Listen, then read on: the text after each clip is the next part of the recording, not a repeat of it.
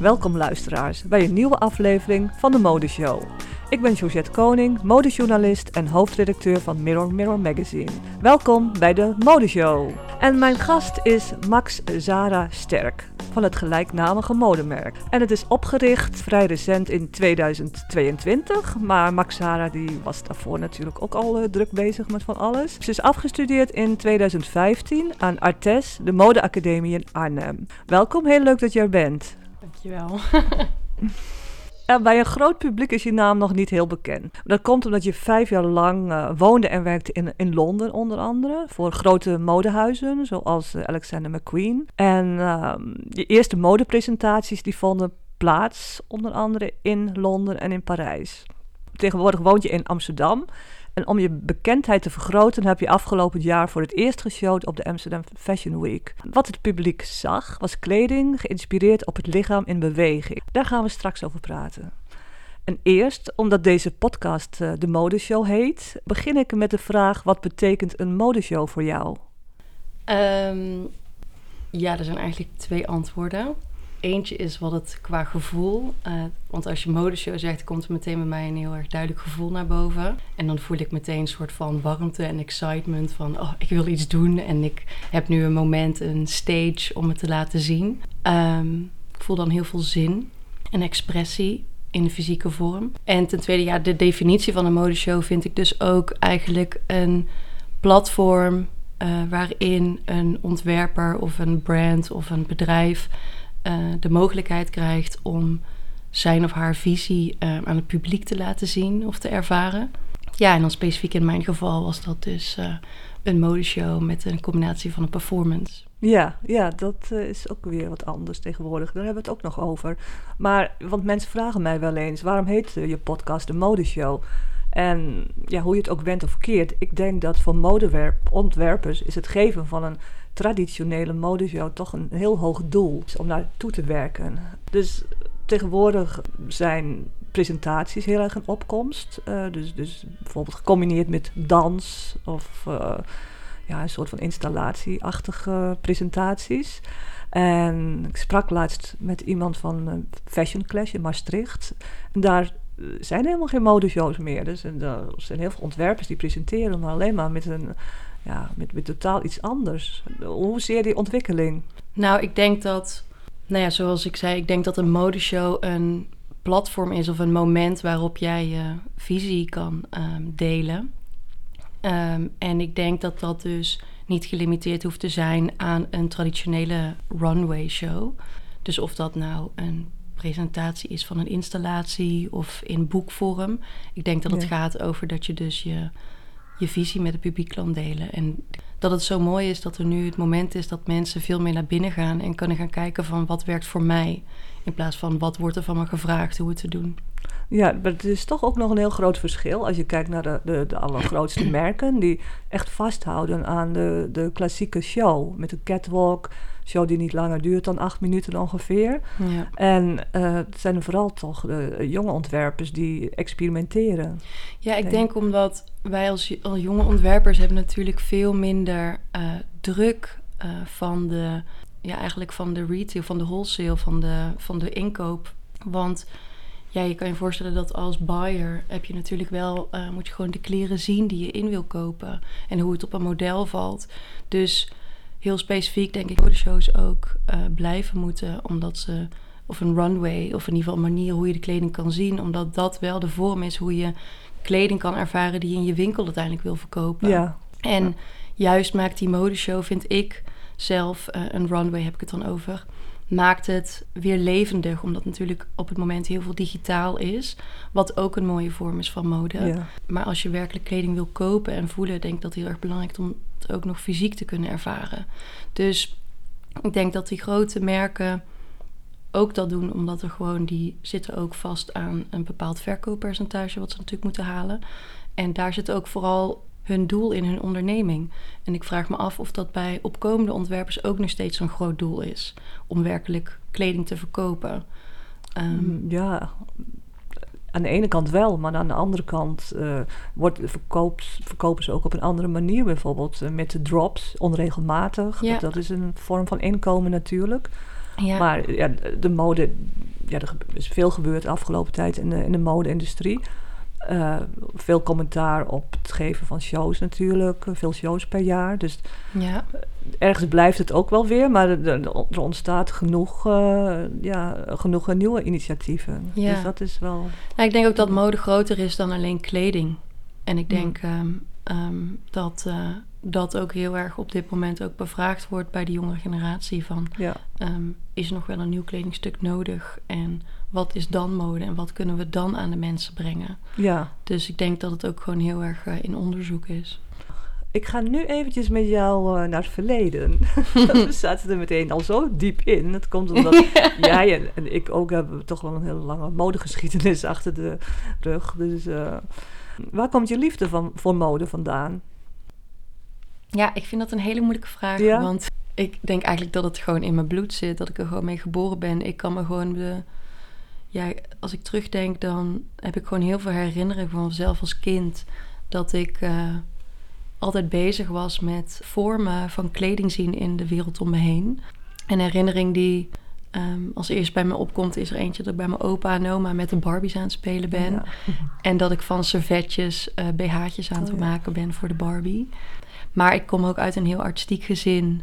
En mijn moeder maakte altijd mijn kleding. En uh, dat was eigenlijk altijd mijn allerlievelingsmoment wanneer ik in de boerda dan het patroonboek waar je dan patronen uit kon kiezen. Dat ik daar patronen uit mocht kiezen of ontwerpen. En dan uh, ging ik tegen mijn moeder zeggen, die wil ik. En dan wilde ik in die kleur en in die stof. En dan ging mijn moeder die kleren zo voor maken zoals ik het wilde. Ja, ja dat komt me heel bekend voor. Ik uh, pakte vaak stukjes gordijn. ja. Maar ik ging ook best wel ver als mijn moeder een feestje had. En dan wilde ze vertrekken. En dan zei ik, dan was ik ook een jaar of tien of zo. Wat heb je nu aan?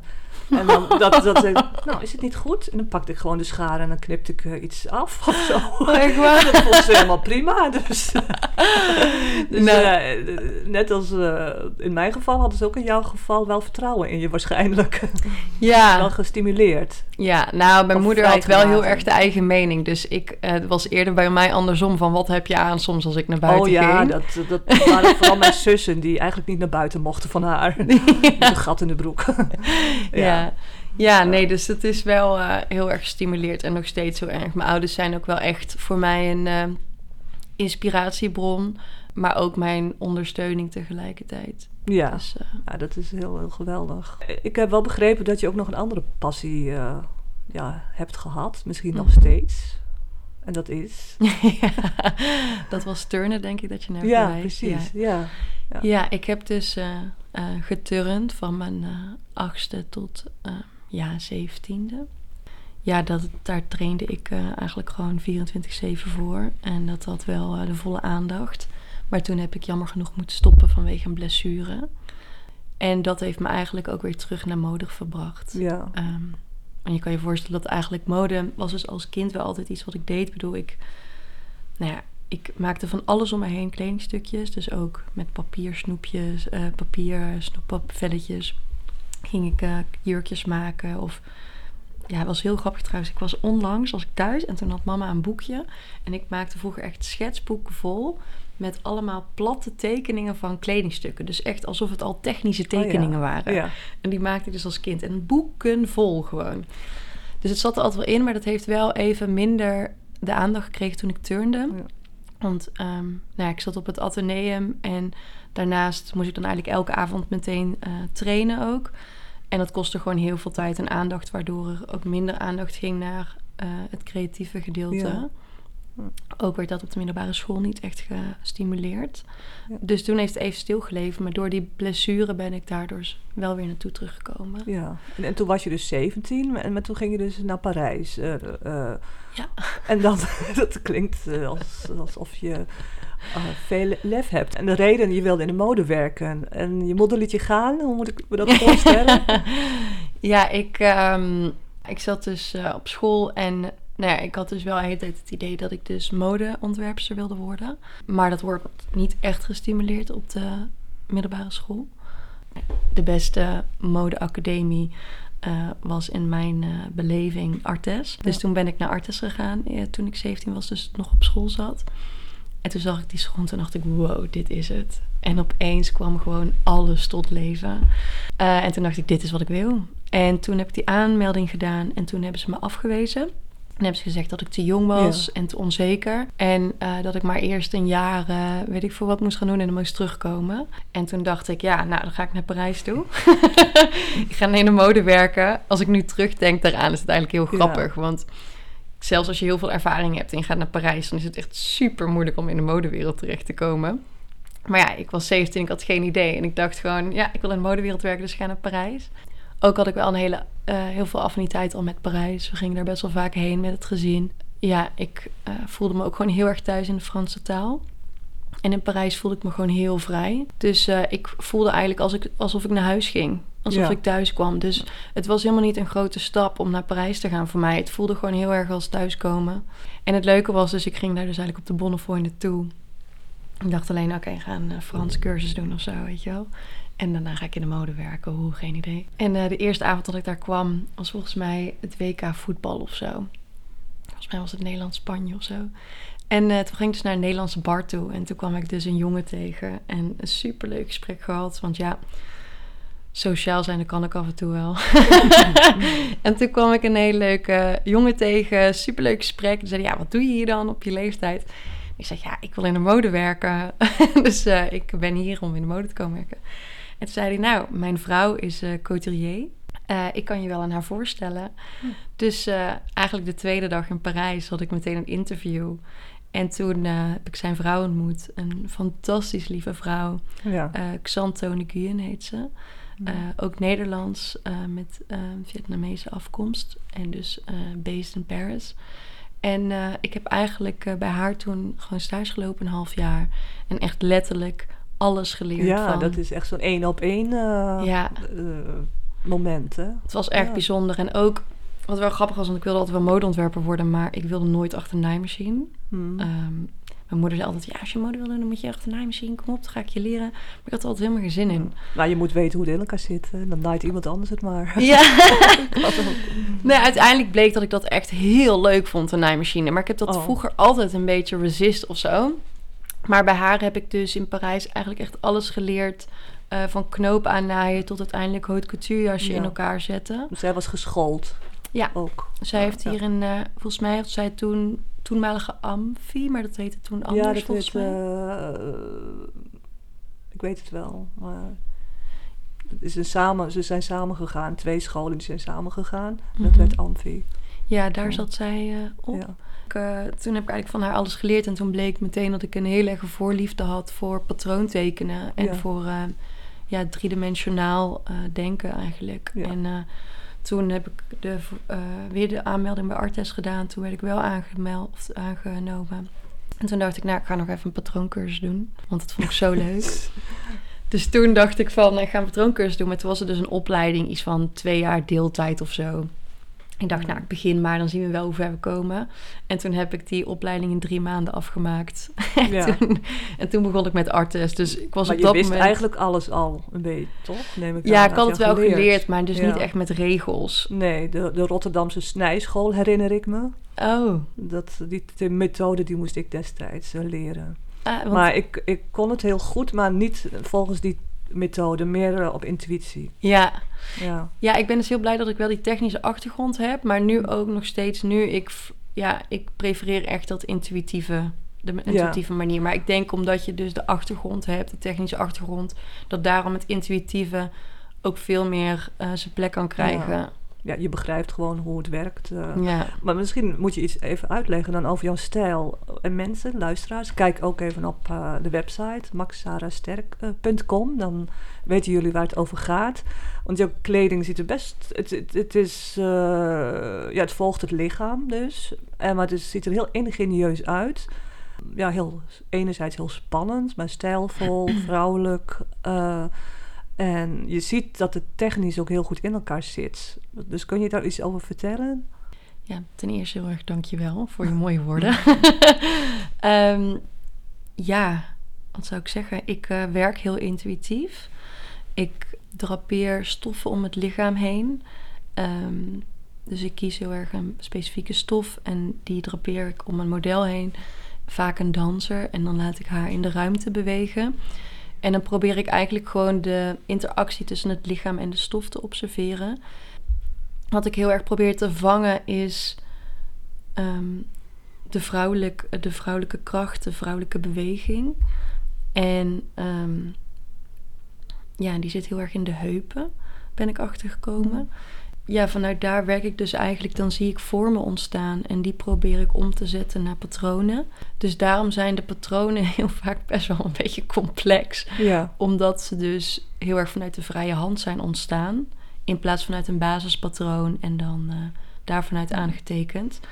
Dus er zit een bepaalde complexity wel in, maar het idee is wel dat het moet voelen en moet ogen als um, een hele natuurlijk iets. Ja.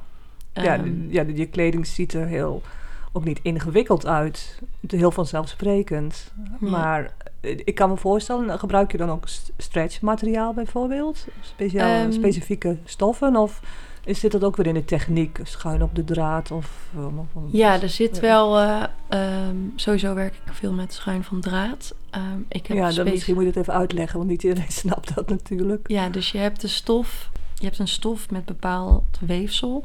Nou ja, even moet je voorstellen als je een stof van de rol afrolt. Dan eh, heb je een, de zijkant van de stof en dat is de recht van draad. En op het moment dat je hem schuin van draad eh, neemt, dus dat zou dan eh, nou ja, 90 graden daarvan zijn.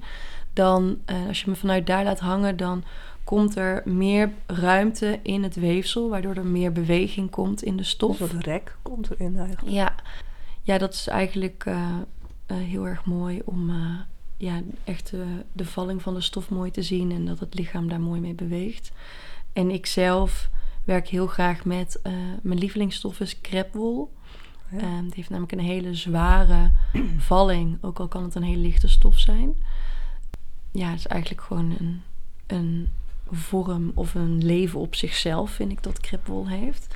Ehm, zo werk ik heel graag met natuurlijke stoffen omdat die een hele mooie natuurlijke valling hebben. En ik heb ook stretchmaterialen waar ik ook mee werk. Dan zijn ze wel gerecycled. En die stretchmaterialen, dat zijn dan specifieke items waar het heel erg eh, om het lichaam heen strak eh, moet zitten. Maar ik werk vaak ook met stretch en niet-stretch samen gecombineerd. Ehm, waarbij je eigenlijk het bijna niet ziet van afstand dat er stretch en niet-stretch in zit. Zodat je eigenlijk heel dicht op het lichaam kan werken, maar ook de drapering van de stof mee kan werken. Dus die combinatie van stretch en niet-stretch is ook wel iets typisch wat ik eh, Ja. gebruik in mijn werk. En, want ik zag dat je je stijl op de site omschrijft als a body label. Dus eh, a way of expression, creating clothes to empower embodiment. Je, je doel is ook wel dat, dat vrouwen zich echt sterk voelen in jouw ontwerpen.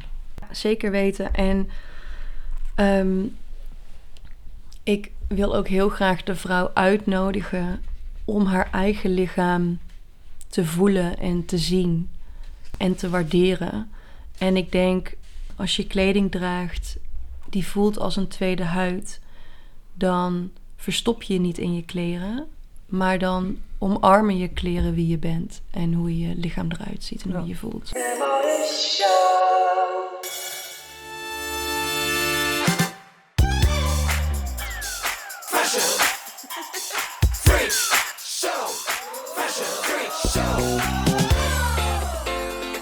En dan volgt nu een theater. Tip, tip, tip, tip. De tip is Fashion Freak Show van Jean-Paul Gaultier. En die is te zien vanaf 24 juli 2024 in Theater Carré. En de kaartverkoop is al gestart. Eh, het is een eh, muzikale revue over het leven van Jean-Paul Gaultier. Gaultier regisseerde zelf de revue en ontwierp natuurlijk de kostuums ook zelf. De show was eerder te zien in de Folie Bergère, dus het legendarische theater, waar Josephine Baker nog eh, het publiek choqueerde in een bananenrokje. Jean-Paul Gaultier die had ooit een van haar laatste shows gezien en daarom heeft hij een bijzondere band met eh Folie Bergère. En wat komt er allemaal voorbij in Carré? Dat zijn eh, verschillende belangrijke periodes uit het leven van Gaultier, waaronder zijn jeugd in de Parijse buitenwijk eh Arcueil, waar hij werd opgevoed door zijn oma. De Swinging Sixties, dat was een hele vruchtbare ontwerpperiode die ertoe leidde dat hij in 1970 op zijn 18e verjaardag bij Pierre Cardin ging werken als studioassistent. En zo gaat het maar door met allemaal hoogtepunten. En natuurlijk is er ook mode, enkele mini-modeshows met originele Gaultier looks, waaronder het Motorjack met een enorme witte tulle rok uit zijn debuutcollectie 1976. De zwarte vuilniszakkenjurk uit 1979 en de camouflage couturebaljurk uit 2000 en veel meer. Dus ga vast naar de site van Carré en reserveer.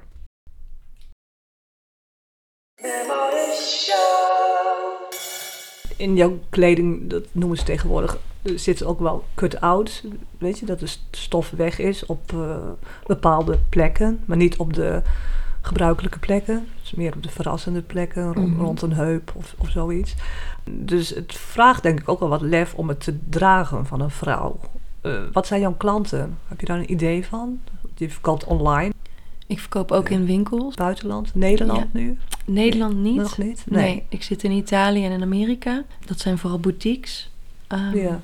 Ook omdat eh, natuurlijk het merk is best nieuw. Dus in een boutique heb je ook de mogelijkheid om het merk ook te kunnen introduceren aan je klanten. Ja.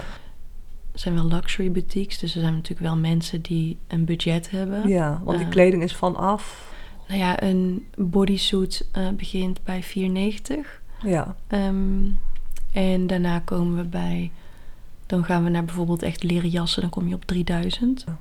Maar ik denk dat het gemiddelde zo rond de 1000, 1500 zit. Dus het is wel een klant die wel een budget heeft. Ja. Maar ik zie twee richtingen klanten. Ik zie één, een bepaalde klant die ehm, het heel mooi vindt en, er heel, en gewoon heel erg ervoor spaart. En dat zijn directe klanten. Die dan ook eh, zeggen van, oh, ik wil al zo lang voor jou een stuk. En ik heb nu een paar maanden gespaard en nu kan ik eigenlijk iets kopen. En dan willen ze het eigenlijk voor een hele speciale genegenheid kopen. Om zich dan ook op dat moment heel krachtig te kunnen voelen. Dus voel ik ook echt dat ik bij kan dragen aan eh, dat speciale moment. Via het kledingstuk Hm. met die mensen. Dus dat is de ene klant. En heb ik dan ook persoonlijk contactrecht aan mee. En dan de tweede klant zijn eigenlijk dus inderdaad gewoon ja, mensen die gewoon een order plaatsen eh, zonder dat ik daar persoonlijk mee in contact kom. Ja. Ehm, Of via winkels, dus verkoop. En ik denk dat mijn klant wel ergens tussen de 25 en 40 zit op dit moment. Maar dat vind ik eigenlijk best wel jammer. Want ik zou ook een oudere vrouw willen kunnen aanspreken. Maar dat is ook iets wat ik nu aan het onderzoeken ben. Hoe ik dat meer kan uiten, ook in mijn beeldtaal ja. zodat ik die vrouw ook meer kan uitnodigen. En ik denk dat heel veel mensen sowieso vaak als ze mijn kleren zien, dat ze denken: oh wow, dit is wel heel bloot of heel vrouwelijk. En dat kan dus mensen afschrikken. Maar ik zie dus ook dat als mensen, als ik ze dan uitnodig om het eens aan te doen, dat ze zich dan eigenlijk heel erg lekker voelen. En dat ze dan eigenlijk denken: oh wow, kan ik het ook hebben? Ja. En dat is eigenlijk mijn lievelingsmoment. maar, wat, maar wat zou je daar daadwerkelijk aan kunnen doen dan? Om dat onder een oudere leeftijdsgroep te brengen? Nou, ik denk dat de beeldtaal die ik op dit moment verspreid, dat dat ook wel een jongere vrouw laat zien. En dus ik denk dat alleen al het fotograferen in een, eh, op oudere dames, ook op verschillende soorten lichamen, ik denk Ja. dat dat allemaal heel erg kan bijdragen. Dus dat is eigenlijk ook een, ja, een kantje van marketing en de commercie waar ik eh, nog eh, mijn onderzoek ook nog mee moet doen. En nog Ja. heel erg moet ik, nou ja, nog zoekende ben en experimenterende in ben. Ja, nog even terug naar de tijd eh, van na je afstuderen. Toen je vertrok je naar het buitenland en waar je een indrukwekkende cv hebt opgebouwd. Ik vertelde al dat je werkt voor Alexander McQueen en voor wie nog meer? La Perla, ehm, ook nog bij Zilver. En ik heb daarvoor ook nog bij J.W. Anderson gewerkt. Het is een hele grote naam natuurlijk, Alexander McQueen. Steek je daar werkelijk iets van op, eh, waar je nu nog iets aan hebt, waar je van hebt geleerd? Ja, zeker. Echt elke ervaring. Ik heb eh, hele mooie ervaringen gehad. En ehm, nou ja, mooi niet alleen. Ze waren ook heel zwaar. En ze Hmm. waren... Want wat, wat was jouw functie bij bijvoorbeeld Alexander McQueen? Bij Alexander McQueen was ik, ehm, was ik eigenlijk voor special projects helpte, hielp ik mee. Daarin heb ik van allerlei projecten meegeholpen. Dus onder andere ook eh moulage, Maar ook moulagelessen. Ja, dus draperen, zeg maar. Ja. Beetje, Eh, maar ook een exhibition bijvoorbeeld hebben we opgezet. Maar ik heb daar ook vooral meer het verhaal meegemaakt. Ook hoe het naar buiten te brengen, het verhaal. mm. En dat was ook iets waar ik op dat moment heel veel interesse in had. Omdat ik heb daarvoor eigenlijk in alle functies die ik betreden bij de andere merken... waren altijd designer Ja, of assistent van de creative director. En ik ben toen overwerkt eh, geraakt. Toen was eigenlijk was ik best wel zoekende van hoe kan ik in de modewereld werken en alsnog goed voor mezelf kunnen zorgen. Ja. En dat ik mijn grenzen aan kan blijven geven. En toen ben ik bij Alexander McQueen, McQueen gekomen als freelancer. ja. Om eh, het bedrijf van buiten ook een beetje mee te maken. En ik wilde ook niet helemaal meteen weer inspringen zoals ik altijd deed. Dus eh, daar heb ik gewoon eh, veel meer op projectbasis Ja. dingen Want gedaan. zat je daarvoor dan bij G.W. Anderson? Nee, daarvoor zat ik bij Zilver. Ja. En dat was een sustainable merk wat ik op heb gezet met ehm, de creative director van La Perla. Oh ja, nou, La Perla kennen mensen van de lingerie, denk ik. Ja. Dus Ja. La Perla is lingerie en zij deden ook eh, runway, dus ook eh, loungewear en eh ja, er zat ook wel ready kleding. to work. Ja, En maar heel luxe, ontzettend Ja. kwalitatief. heel Ja. luxe. Ja, dat was echt een Ja. fantastische ervaring. Want alles werd ook in huis gemaakt. Oh ja. En ja, ik heb gewoon het geluk gehad dat ik bij hele luxe merken heb gewerkt. Waar je kan zien van hoe dat er echt nog aandacht en liefde voor het, voor het kledingstuk is. Maar bijvoorbeeld eh, G.W. Anderson, dat is nou de, de topmoment eh, Ja. eh, onder, op de, in de mode-industrie. Krijg je dan ook wel iets mee van, van een bepaalde druk waar zo'n ontwerper onder last van heeft misschien? Of Ja. het, het bewaken van het merk. Heel veel kan natuurlijk niet. En, oh, ja, hoe zit dat? Nou, er is in elk bedrijf waar ik heb gezeten ontzettend veel druk. Het is 24-7 full on. Ja, maar het wordt afgerekend op verkoopcijfers? Of wat is nog meer een punt van druk? Nou, ik denk dat er. Ik denk ook wel verkoopcijfers, maar er zijn ook, denk ik. ehm, ja, hoe zou ik het zeggen? Ik denk dat creativiteit ook niet altijd maar in een structuur gezet kan worden. Dus ik denk ook daarin dat je. Ja, dan denken ze iets af te hebben, maar dan opeens bedenken ze. Een, de nacht voor de show opeens als hetzelfde kledingstuk nog in het paars moeten hebben. Ja, Dus dan moet je opeens heel de nacht nog doorwerken. ja.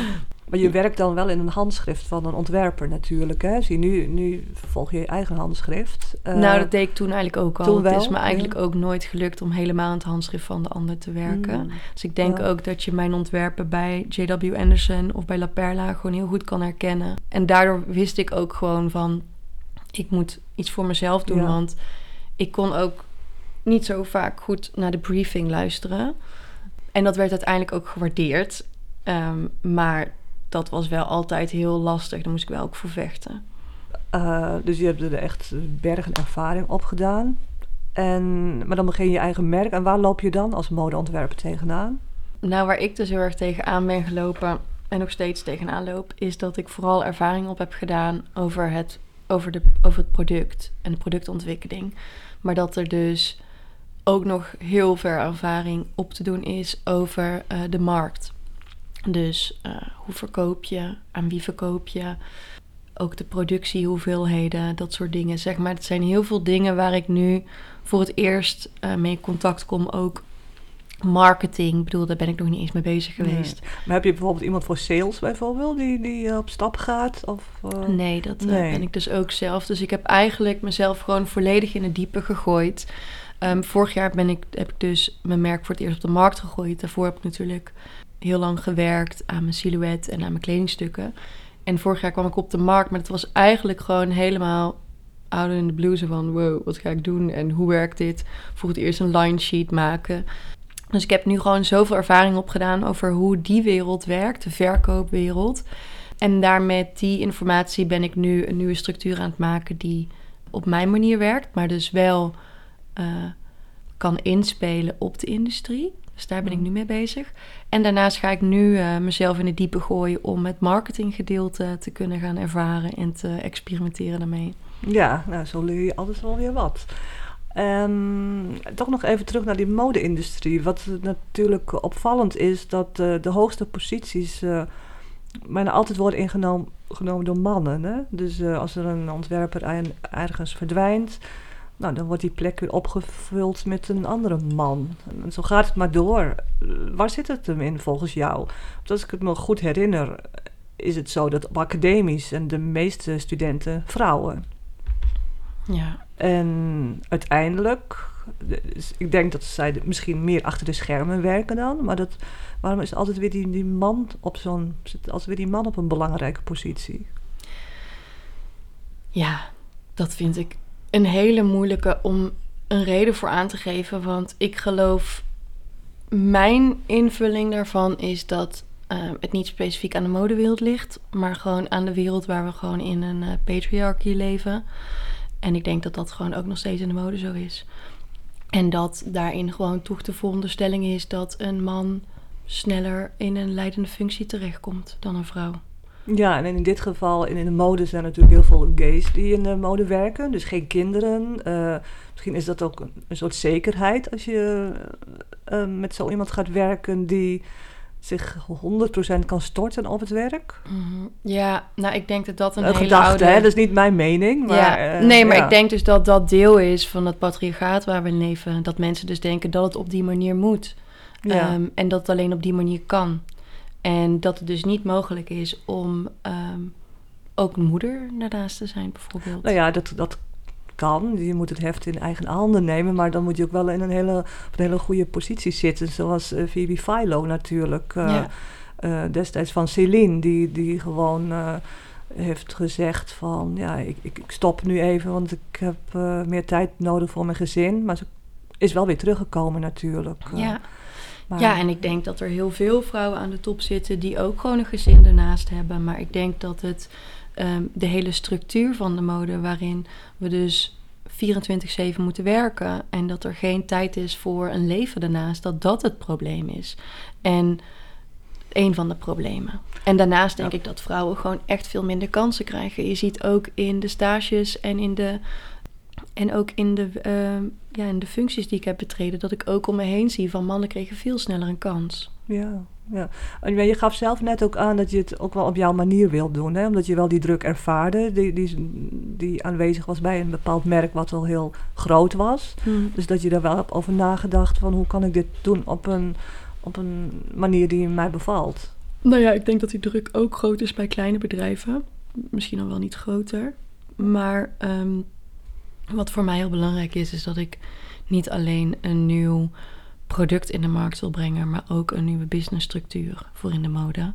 En daarin wil ik eigenlijk ehm, een omgeving creëren voor mensen waarin ze op een gezonde manier en een plezierige manier kunnen werken. Ehm, en dat gaat ten eerste over dat je ook als leidinggevende of als faciliteerder ook zorgt dat je het beste wilt voor je werknemers. En niet over hun grenzen probeert te gaan. Dus dat is ook heel intuïtief, denk ik, Ja. eh, Maar kunnen dat invoeren. betekent ook eh, productie in Nederland of in Europa? Ik heb Dat- op dit moment mijn productie in Nederland, omdat Ja. mijn eh, aantallen nog te klein zijn om naar het buitenland te gaan. Maar ik heb wel de productie in Italië klaarstaan voor als de, pro- Ja. de aantallen groeien. in fabrieken die je kent. Dus Ja. eh, ja. Ja. Nou, dat is de manier waar, hoe het hoort. Gewoon overzichtelijk, eh, duurzaam, verantwoord. Hè? Ja, en Eh, heel ehm, liefdevol denk ik ook. Ja, En Ja. voor de- je werknemers, voor je product, ehm, voor de stoffen waarmee je werkt. Ik denk dat dat het verschil kan maken. En het, het- tot slot, ik zag dat je een samenwerking eh, bent aangegaan met het eh sieradenmerk Tweek Eek. Eh, kun je daar iets over vertellen? Ja, superleuke samenwerking. Ja, ik ben eigenlijk op het moment samenwerking aan het aangaan met eh, verschillende bedrijven waar ja, die eigenlijk sustainability hoog in het vaandel hebben. En ehm, nou ja, Tweek eh, maakt jewelry. Prachtige sieraden maken zij. En toen zijn we samen een samenwerking aangegaan om samen eh, dus sieraden te maken. Ehm, om eigenlijk ook te kijken van oké, hoe kan mijn ehm, manier van werken ook deel worden van jullie materialen. En zo heb ik dat ook, eh, ben ik ook samenwerking op het moment met Swedish Stockings. Oh, ja. Daar ben ik nu dus ook een samenwerking aan. Maar wat heb je precies gemaakt eh, met Tweek Eek? Met Tweek Eek hebben we eh, oorbellen gemaakt. Ehm, Ja, dus ben je even uit je comfortzone van de mode Nou, nee, want dat is ook oh. mode voor mij. Maar Ja. waar het voor mij heel erg om gaat, is dat ik mijn productenrange kan uitbreiden. En dat ik producten kan eh, aanbieden aan mijn klanten op een ander prijslevel dan mijn kleding. Oké, ja. Zoals vaak eh, de tas, zeg maar, de cash cow is voor een duur modemerk. Ja, eh, begin je met accessoires, of in dit geval oorbellen. ja accessoires en zo. Dus met Swedish stockings, dus eh, Ja, dus een- andere een, stuks een, daar. kousenmerk, toch? Ja, dat Eh, is een- technisch eh kousen. Ja, dat zijn stockings, sorry. eh leg, eh, panties. Oh, panties, ja. panties, ja. Oh ja, en wij dus, hebben eh, dus bodysuits ontworpen Oh, met hun ja. nieuw ontwikkelde materiaal. Ja. Dus zo is het heel leuk voor mij ook om met nieuwe materialen in contact te komen. Ja. Ja, en, en- maar samenwerkingen zijn wel cruciaal, denk ik, voor een merk, ook om overeind te blijven. Ja, op dit moment is dat nog niet wat de samenwerkingen mij per se geven. Hm. Eh, het geeft vooral op dit moment heel veel creativiteit. Maar ik denk wel op het moment dat je met grotere ehm, bedrijven gaat werken, waar ja, dat er ook natuurlijk grotere budgetten zijn en dat er dan ook inderdaad eh, meer stabiliteit financieel uit kan komen. Dat is wel een mooi ding, maar voor nu is het eigenlijk vooral ook de creativiteit om met nieuwe materialen te kunnen werken en met nieuwe mensen. Ja. En werk je nu aan een nieuwe collectie voor een presentatie momenteel? Eh, ja, nou op dit moment eh, werk ik inderdaad aan een nieuwe collectie. Maar ik ga een seizoen overslaan. eh, omdat ik dus, wat ik net zei, ik heb dit jaar ehm, eigenlijk gewoon ervaring opgedaan over de industrie en de snelheid ervan. En ik ben er eigenlijk ook een beetje bijna in verdronken geraakt in de snelheid. Dus ik wil eigenlijk nu weer een stukje terug, een stapje terug doen. En kijken van oké, hoe kan ik er op een ja, leuke, gezonde Ja. manier mee omgaan. Uh, dus stel je zou daadwerkelijk eh, iets kunnen mogen veranderen aan de modewereld, dan is het toch het ritme, denk ik. Uh, van de, met de collecties telkens twee keer per jaar. Ja, het ritme. Nou ja, de collecties zijn vier keer per jaar vaak. Bij mij Ja. op dit moment heb ik dus twee keer per Ja, ja. jaar gedaan. Ehm, maar ja, zeker weten het ritme. Maar ehm, de druk, de verwachtingen. Ja, Ja. En ook de competitie tussen mensen. Ook in het bedrijf heel vaak. Terwijl ik dan denk, "Huh, we zitten in één bedrijf. We moeten elkaar eens allemaal helpen. ja. Ehm, maar daar zit zelfs heel veel competitie. Mhm, ja. Ja. Nou, het, is, eh, het zijn behoorlijke uitdagingen die je aangaat. En luisteraars, eh, Max Zara Sterk is een ontwerper om in de gaten te houden. Dat is wel duidelijk natuurlijk. Eh, dus ga naar haar site, maxzarasterk.com en geniet van haar werk. En de kleding is daar ook te koop. Nou, heel erg bedankt voor het gesprek. Vond het heel interessant. Ja, ja, ook heel erg bedankt. Bedankt voor deze uitnodiging. Ja, graag gedaan. Abonneer je op de Modeshow via je favoriete podcastplatform. Met dank aan de montage en gezelligheid van Harold Tihatten. De Modeshow is een productie van Mirror Mirror Magazine. Het modeblad voor mode en beauty. Ga voor het nieuwste nummer naar mirrormirror.nl. Tot de volgende Modeshow.